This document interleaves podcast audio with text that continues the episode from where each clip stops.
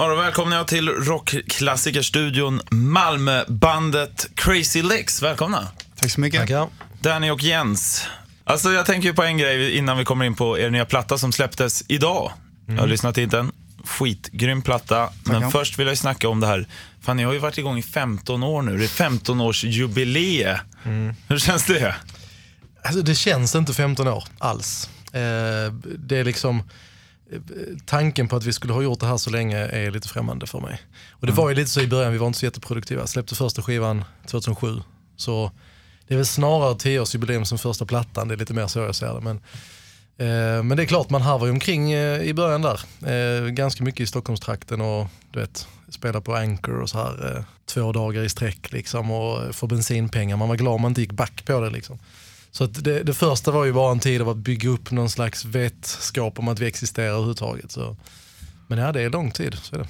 Om du minns tillbaka, vad hade ni för några mål liksom, med allting när det väl startade? Så att... Världsdominans var det ju. Som Ja, det var det? Ja, ja, visst. Eh, och det har man väl kanske fattat i efterhand att eh, det var att sikta lite högt. Men, eh, nej, vad fan, vi försöker väl fortfarande. Det är steg för steg. Liksom. Vi har Mm. väl några år på oss till, känner jag. Kanske. 15 år till. Det tror jag lätt. Det är inte alla som överlever 15 år ens i den här branschen just nu. Ja, just att... det. Men eh, jag har hört lite rykten om att det är någon rolig historia bakom namnet.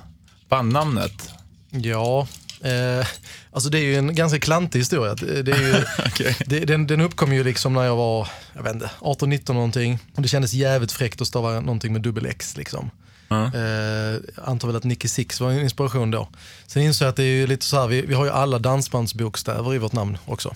Ja, Eh, det. så, så i Sverige så finns det en liten annan koppling till den typen av namn.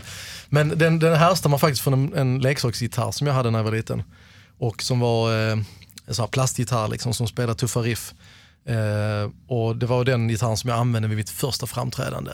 Så vi stod och mimade till, till Ride the Lightning med Metallica. Right. Eh, och eh, då döpte jag den efter den gitarren, trodde jag. Men många år senare så eh, hittade jag då en, en bild på internet på den och då hette den Hot Licks och inte alls Crazy Licks.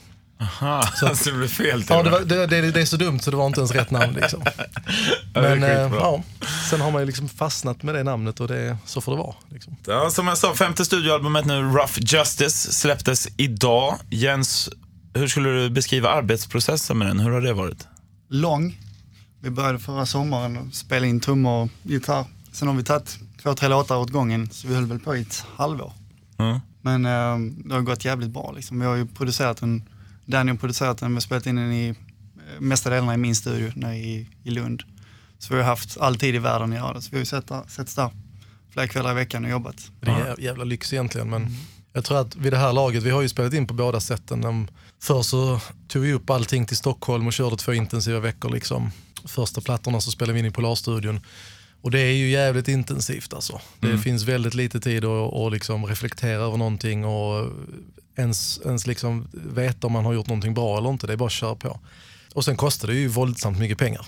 Det, det går inte att motivera med dagens eh, mått längre. Liksom. Eh, det, alla pengarna har ju liksom rusat från branschen totalt och att spela in en platta för liksom, eh, 150 000 spänn, det, det, det är inte lönsamt längre. Så att, på det sättet så har vi ju ganska, ganska lyxigt att vi har tillgång till studio själva och kan lägga upp det över så lång tid och friheten också från skivbolaget att göra lite som vi vill. Så. Sen är det ju så här, det är många som kommenterar att ja, men vad fan, det här låter så jävla daterat, det här är 80-tal, vad, vad håller ni på med liksom? Men det är det jag gillar. Det är Ja. som en tidsmaskin man Ja, sätter sig i när man hör nya och, och det, det roliga är att de, de verkar tro vissa att det här är, om man inte gör rätt så blir det 80-tal. De fattar ju inte hur jävla svårt det är att få det att låta så här. Liksom.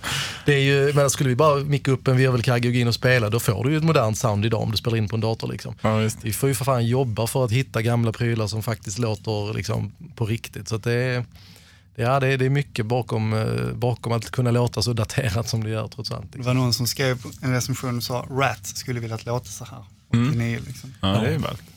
80-tal fast på ett bra sätt. Det är bra recension. Ja det är det, Ja. får man säga.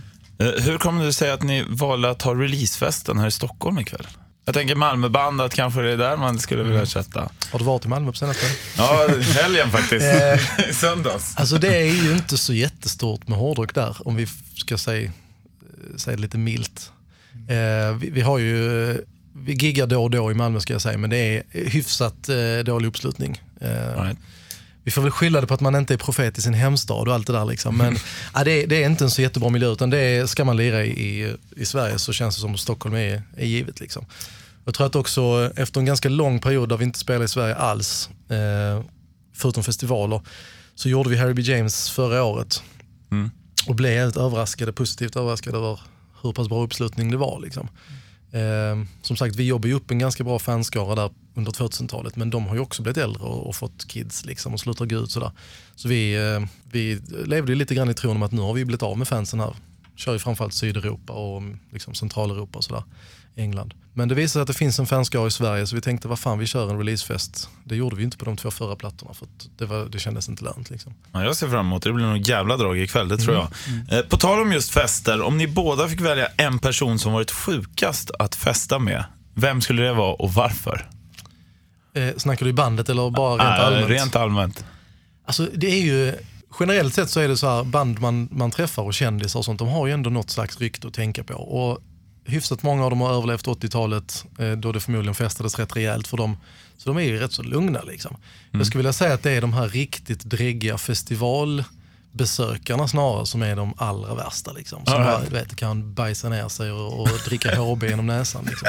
Eh, men, men jag kan inte riktigt nämna några namn, det här är inte människor man känner, det är snarare sådana man visst. betraktar på avstånd. Liksom. Men det, är, nej, det finns en hel del dräggiga människor. Liksom. Men så här bland, bland liksom, eh, i branschen och sånt så tycker jag fan det, är, det finns en myt om att det ska vara så väldigt vilt. Men jag tror att de flesta har, det känns som att de som, som lever det livet, de kommer ju inte särskilt långt med, med sin musik längre. Ja, det kanske funkar på 80-talet liksom. Men nu är det ju liksom, eh, det är en ganska, det är en ganska hård miljö. Tar du inte det på allvar så, ja, då kommer du inte dit liksom. Nej. Så eh, det känns som att man på något sätt har kanske sorterat bort liksom, de riktigt värsta. Sådär. Eh, två låtar vet jag, eller jag tror det är två låtar som är med i tv-spelet fredag den 13 som har kommit ut. Eh, hur kom det sig att ni kom med där? Eh, ja, det är tre låtar till att börja med. Tre till Ja. och med. Det var en klassisk skånsk bunnatur faktiskt. All De, right. ja, de, de hörde bara av sig liksom. och sa att de ville ha musik som lät som 80-talet. Eh, men de hade inte riktigt råd att licensiera band eh, som hade hits på 80-talet. Nej. Ehm, så att, så de, de, det var ju tydligen någon i programmeringsteamet där på den här spelbyrån som, som gillade Lix och, och så kollade de oss. Liksom, är ni sugna på, på att skriva någonting nytt liksom, som vi kan eh, köpa loss? Ehm, och jag personligen har alltid liksom associerat skräckfilm och hårdrock ganska tajt. Liksom. Eh, På 80 och 90-talet så var det ju synonymt med varandra. Actionfilmer, skräckfilmer, alltid coolt hårdrockstema någonstans. Liksom.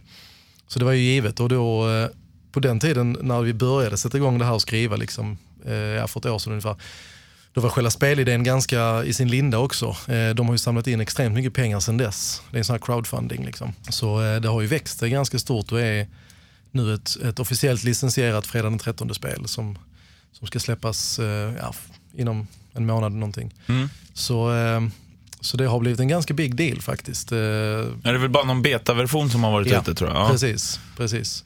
Eh, Så även de trailers som de lagt ut, det är liksom halv miljon views på YouTube och sånt där. Så siffror som vi liksom inte får upp med våra egna musikvideos ens när vi liksom lägger ner en massa jobb i det så slänger de ut någon, någon eh, du vet, ihopklipp när Jason mördar lite folk och så vår låt i bakgrunden. Så, att, Ja. så vi hoppas ju på att vi kan komma in liksom i en, eh, någon, något segment som kanske är svårt att nå annars. Liksom. Det är inte de här klassiska musikfansen som finns där utan det är ju gamers framförallt, yngre människor. ja, någon port in till amerikanska... eh, Det hade varit eh, trevligt. Ja. Sen vet man ju inte om man får åka till det landet särskilt mycket längre. Nej, precis. Nej, vi får väl se hur det går med det helt enkelt. Lite Ja. komedi där borta. Framförallt har ju videon som har läckt med låtarna fått eh, över en halv miljon lyssningar liksom, Ja. på YouTube. Ja, Många har ju plockats ner och läggs upp igen. Ja, det är lite licensproblem där men eh, det är ju lite så här va- vilda västern på, på nätet överlag. Så att, eh, speciellt i gaming-communityn så har de inte riktigt samma syn på vad copyrightat material är. Liksom. Utan det, det flyger omkring de här låtarna lite överallt. Men jag tror i slutändan ändå att det är positivt. Liksom. Vi, vi, vi kommer in på, ett, liksom på en marknad som jag tror är väldigt svår att, att nå annars. Liksom. Vad är det absolut bästa med turnélivet? Om ni skulle välja ut något. Resandet för min del.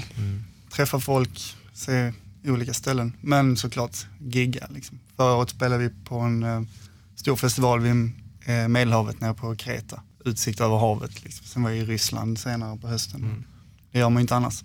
Allt betalt liksom. Ja. Alltså det är också en sån, man har ju rest privat liksom och då kommer man till något hotell på någon jävla resort där och det är, det är turistfälla liksom. Man, man, man har ingen kontakt med landet som sådant, man bara åtnjuter faktumet att det är bättre väder. Men när man, när man åker ut och spelar så är det ju direkt så att man måste komma i kontakt med folk. Det är promoters och det är ägarna i, av, av liksom stället och sen så fansen direkt. Så att man kastas på något sätt in i kulturen mycket, mycket fortare. Eh, Så även om vi bara är, kanske är i en stad en dag liksom, innan vi måste resa vidare så, så får man ändå insupa ganska mycket av den.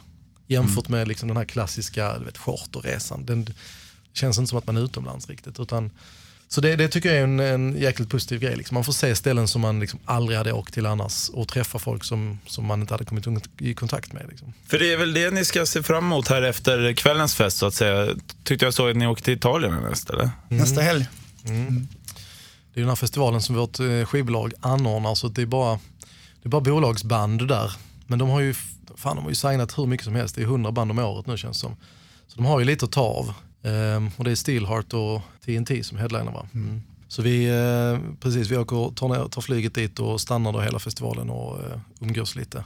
Italienarna är ju jäkligt glada också. Alltså det, det finns en det finns liksom någon slags anti-jantelag där. Eh, De är ju inte alls blyga för att komma fram och ta foton och signade grejer och liksom, eh, jätteglada för att träffa band. Och, eh, liksom även, vi känner oss inte stora på något sätt eh, men, men där nere blir man liksom behandlad som att man är en rockstjärna på ett helt annat sätt. Och det, är, det är nice för egot ibland såklart. Mm. Tack som fan för att ni kom hit och lycka till på turnerandet här efter. Tack Så mycket.